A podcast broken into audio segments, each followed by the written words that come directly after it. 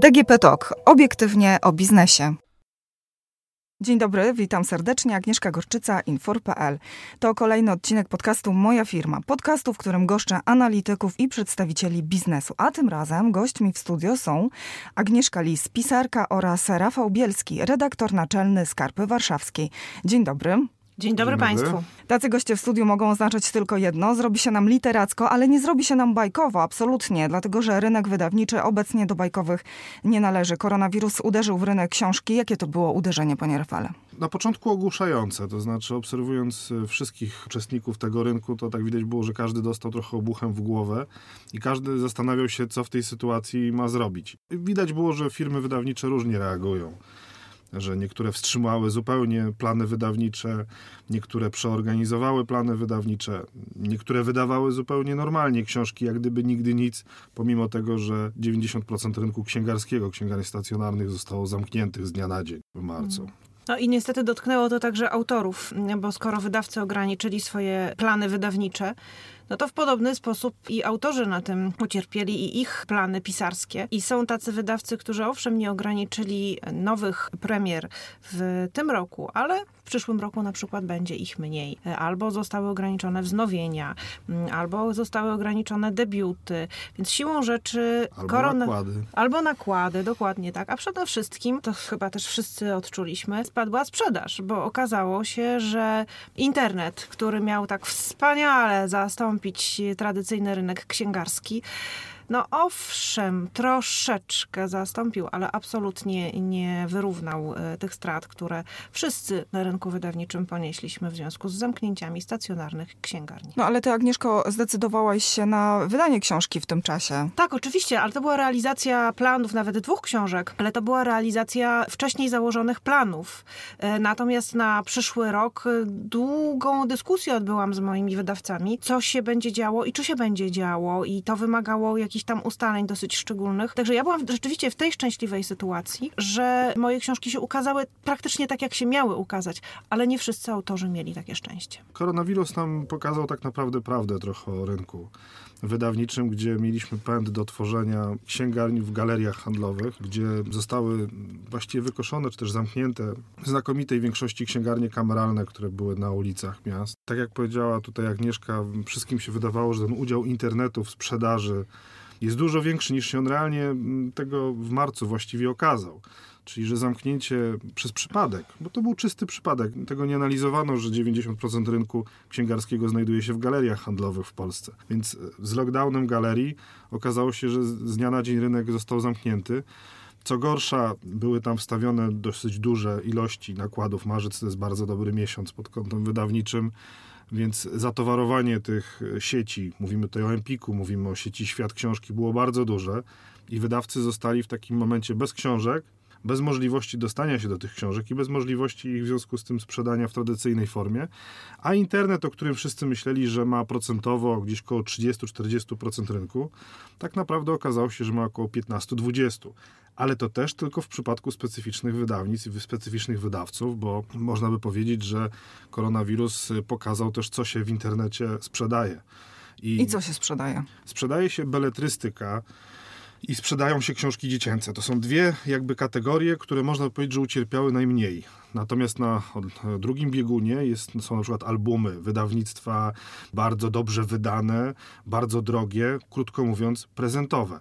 Nie było szczin, nie było urodzin, komunii. nie spotykaliśmy się komunii, nie było nawet świąt wielkanocnych, gdzie czasem tego zajączka przecież przenosimy, w związku z czym te wydawnictwa popularno-naukowe czy wydawnictwa albumowe ucierpiały dużo bardziej niż wydawnictwa nastawione na literaturę popularną, masową, która akurat po tym pierwszym okresie szoku, gdzie społeczeństwo jakby też samo nie wiedziało, w którą stronę to pójdzie, zaczęła się potem sprzedawać, bo okazało się, że siedzimy w tych domach, Coś e, musimy robić. Coś musimy robić. Pierwsze odżyły książki dziecięce, to znaczy to był taki moment już na początku kwietnia, gdzie sprzedawało się wszystko, co się tylko wydało. Widać było, że rodzice po prostu czymkolwiek chcą to dziecko zająć, byleby tylko mieć chwilę spokoju dla siebie, skoro już siedzą 24 godziny na dobę sobie na głowie. Potem e, zaczęli szukać literatury dla siebie i tutaj e, kryminały, thrillery, literatura obyczajowa, również ruszyła. Stąd też widać było nagle ożywienie na rynku wydawniczym, jeśli chodzi o premiery, o, o książki właśnie w tych segmentach. No ale jak podaje Polska Izba Książki, mimo tego, że ta część e, sprzedaży przeniosła się do internetu, jednak mali gracze mieli problem, żeby wyegzekwować pieniądze od sieci księgarni i hurtowni. A dlaczego mali gracze? Wszyscy mieli problem. Tutaj w przypadku jesteśmy... dużych jakby podmiotów takich gospodarczych jest pewnie mowa tutaj o zapasie takim finansowym. W przypadku małych księgarni no, ten zapas finansowy jest proporcjonalnie mniejszy. Znaczy to jest sytuacja była tak niespodziewana, że trudno mówić o jakichś tam większych zapasach dużych wydawnictw. Aczkolwiek faktycznie może jest troszeczkę prościej. Nie wiem, my jesteśmy średnim wydawcą. Natomiast to było tak, że sieci z dnia na dzień rozesłały informacje do, do, do rynku, do, do, do swoich jakby współpracowników, że w najlepszym przypadku będą płacić w ratach te raty były zmieniane w trakcie pandemii kilkukrotnie, dlatego że nikt nie wiedział, kiedy będą otwarte galerie. Nikt nie wiedział, czy otwarcie galerii spowoduje jakiekolwiek ożywienie. To po pierwsze. Po drugie, książka w dzisiejszych czasach sprzedaje się, ta popularna, którą akurat my wydajemy, tak jakby w trzech segmentach. W segmencie papierowym, w segmencie e-bookowym i w segmencie audiobookowym. Okazało się, że lockdown wstrzymał zupełnie sprzedaż audiobooków. Dlaczego? Dlatego, że nie było no, ruchu. Ludzie słuchają, jadąc do pracy, jadąc w delegacje, jadąc na wakacje, krótko mówiąc, uprzejmniają sobie czas w komunikacji miejskiej. Jak tego nie było i wstawaliśmy, szliśmy od razu do pracy, czyli z biurka do biurka, siedząc w domu, no to się okazało, że na przykład ten segment jest zupełnie stratny, co było dużym zaskoczeniem również dla wydawców. E, jeżeli chodzi o książkę elektroniczną w postaci e-booka, tutaj jest ogromne ożywienie i wszystkie systemy abonamentowe w postaci Legimi tutaj notują po kilkaset procent wzrostów na pandemii. No i papier, który w tej literaturze popularnej ucierpiał tak powiedzmy sobie 30-35% tego, co miał sprzed pandemii, co wynika po prostu z nieuruchomienia do dzisiaj wszystkich kanałów sprzedaży, bo trzeba sobie powiedzieć, że na przykład fantastycznym kanałem sprzedaży były lotniska, były dworce kolejowe. Tego typu literatura, którą bierzemy, kupujemy, jedziemy w podróż. Mamy pod ręką. Mamy pod ręką. Tak. W tej chwili tego nie ma, nie istnieje. No i nie zapowiada się, że. Jeżeli sobie nie zamówimy książki tak. przez internet 10 dni przed wyjazdem, żeby ją dostać, to jej po prostu to nie będziemy mieli. Czy chciałam e, powiedzieć, nie wiem, czy się zgodzisz, Rafale, że owszem, e-booki poszły do przodu i to jest fajna wiadomość i to jest budujące, ale mówiąc szczerze, ja się spodziewałam, że pójdą bardziej. Tak, ale to wynika z tej ciemnej strony tego biznesu. Mianowicie pandemia też ujawniła dużą taką agresję i pomysłowość naszych rodaków, jeśli chodzi o pirackie wersje jakichkolwiek dóbr kultury. Ja nie chcę tutaj mówić o książkach, ale to dotyczy filmów, muzyki i tak dalej. Jeżeli tylko jako wydawcy próbowaliśmy, czy też autorzy, cokolwiek zareagować na to, widząc co się dzieje w internecie, gdzie ludzie zakładali grupy, wymieniali się plikami, absolutnie nie kryjąc się z tym. To reakcje było na to takie, no przecież jest pandemia, a wy tutaj chcecie od nas pieniędzy.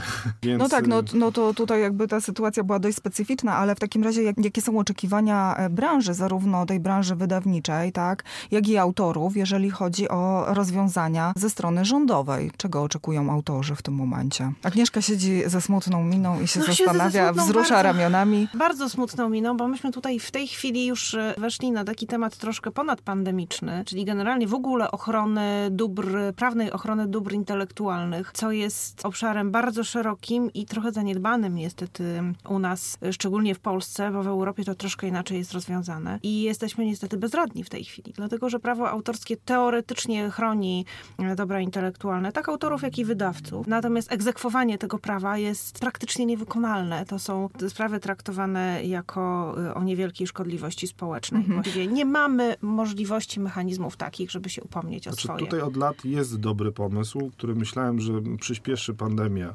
Mianowicie przygotowany od wielu lat w ministerstwie tak zwana ustawa o statusie artysty. E, bo tak naprawdę osoby piszące, tak jak Agnieszka czy, czy, czy inni pisarze, nie mają formalnie żadnego statusu. Nie mają w związku z tym żadnych praw i obowiązków z tego wynikających. I od lat się o tym mówi, że gdyby była ustawa o statusie artysty, gdzie jasno byłoby określone, to można by było takiej grupie po prostu w jakikolwiek sposób pomóc. Natomiast jeżeli nie mamy jasno określonych ram prawnych danej grupy, to nie możemy też skierować do niej pomocy, bo nie wiadomo do kogo. Kim jest artysta, skoro nie mamy definicji artysty? No dobrze, a co w takim razie z postulowaną wcześniej ustawą o stałej cenie książki? Znaczy, no ja jako przedstawiciel wydawnictwa, które sprzedaje przede wszystkim literaturę popularną, jestem absolutnie przeciwny stałej cenie książki, dlatego że Tu trzeba by się cofnąć do lat 90.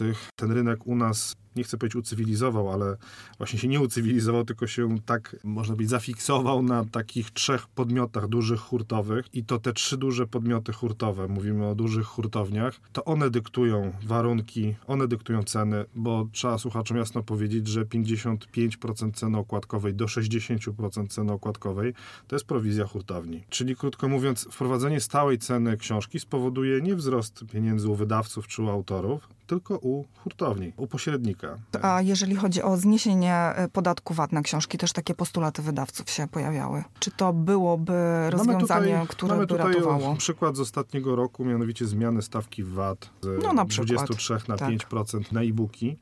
I nie spowodowało to spadku cen dla klienta i nie spowodowało to jakiegoś wzrostu sprzedaży w tym kanale komunikacji, ani też większych przychodów dla autora. Prowadząc ten biznes wiele lat, uważam, że to niewiele zmieni, choć pewnie tutaj wiele osób będzie chciało mnie rozstrzelać. No akurat teraz nie ma takiej możliwości. Jak tutaj jesteśmy w studiu, jest to dość bezpieczne miejsce. Agnieszko, czego oczekują w tym momencie czytelnicy? Ja myślę, że czytelnicy oczekują w tej chwili przede wszystkim dobrej rozrywki i takie mam przeświadczenie, że w tej chwili książka, która jest wysoce intelektualna, będzie miała mniejszy odbiór. Czytelnik oczekuje tego, żeby się zapomnieć w lekturze, żeby nie myśleć o tym, że ma kłopoty, jakiekolwiek bądź, a różne kłopoty dotykają w tej chwili cały przekrój społeczeństwa. I czytelnik generalnie oczekuje, że będzie, że będzie mu się dobrze czytało. W bardzo dużym skrócie. Zgodzę się dlatego, że ten okres tak pandemiczny ostatnich miesięcy był dla nas strasznie wykańczający psychicznie i to było widać. Nawet jeżeli wszystko było super i mieliśmy pracę i, i, i nie było żadnego problemu, no to mieliśmy właśnie chociażby dzieci w domach, y, mieliśmy kampanię Edukację wyborczą zdalną. przekładającą się taką czy inną edukację zdalną, wszystkie problemy z tego wynikające takiej organizacji sobie życia, dnia codziennego, że zauważyliśmy, że książki, które pozwalają oderwać się trochę od tej rzeczywistości albo pożyć trochę problemami innych, no po prostu zaczęły się bardzo dobrze sprzedawać. To na koniec jeszcze dwa słowa odnośnie jesieni, dlatego że wiele mm, imprez targowych, wiele festiwali zostało odwołanych. W takim razie jak zaplanować e, promocję na jesień? Wiele, właściwie wszystkie. Wszystkie ważne.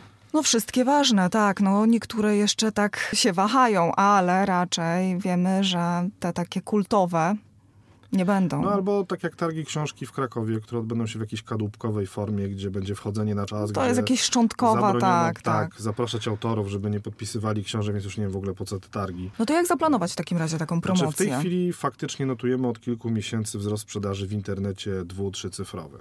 I tutaj całe siły i środki będą przeznaczane na internet, na, na wymyślanie coraz to nowych form y, komunikacji. Na przykład w czasie pandemii bardzo dobrze sprawdzały się spotkania online, różnego rodzaju spotkania takie na żywo, nawet prowadzone przez autorów i to miało całkiem dużą widownię, nawet kilkakrotnie większą niż jakiekolwiek spotkanie e, Takie w takiej fizyczne, tradycyjnej, mhm. fizycznej księgarni. Sam uczestniczyłem w spotkaniach, gdzie było po kilkaset osób. Oczywiście po miesiącu czy dwóch to spadło, ale nawet jeżeli mamy spotkania, które ich plusem jest to, że można sobie je odtworzyć po czasie, docierają do kilku tysięcy ludzi, to to jest y, fantastyczny wynik i to jest jakiś sposób komunikacji pomiędzy autorem, wydawcą, a klientem. Mhm, czyli Ja to też zauważyłam u siebie i na swoich profilach, bo ja tych spotkań prowadziłam dosyć sporo w okresie pandemii na w, w tak zwanych social media, mówiąc ładnie po polsku i, i bardzo często widziałam, że na, na samym spotkaniu było tam powiedzmy kilkadziesiąt osób, ale potem te udostępnione przecież na i profilu odtworzone nagrania ponownie, tak. były odtworzone, były odtwarzane po kilkaset razy. Żadne spotkanie autorskie nie, nie miałoby szansy w żadnej bibliotece Domu Kultury Empiku nie miałoby szansy mieć takiej widowni. Takiej widowni w takim razie Wam życzę w tym okresie jesiennym i mam nadzieję, że już spotkamy się na takim normalnym, tradycyjnym spotkaniu autorskim. Gościem odcinka podcastu Moja Firma była Agnieszka Lis, pisarka oraz Rafał Bielski, redaktor naczelny Skarpy Warszawskiej. Dziękuję serdecznie za wizytę w studio. Dziękujemy bardzo. A ja na koniec tylko dodam, że kolejny odcinek podcastu już za tydzień, a więcej informacji o biznesie, o sytuacji przedsiębiorców, analizy i komentarze znajdziecie na portalu małpa.info.pl. Do usłyszenia.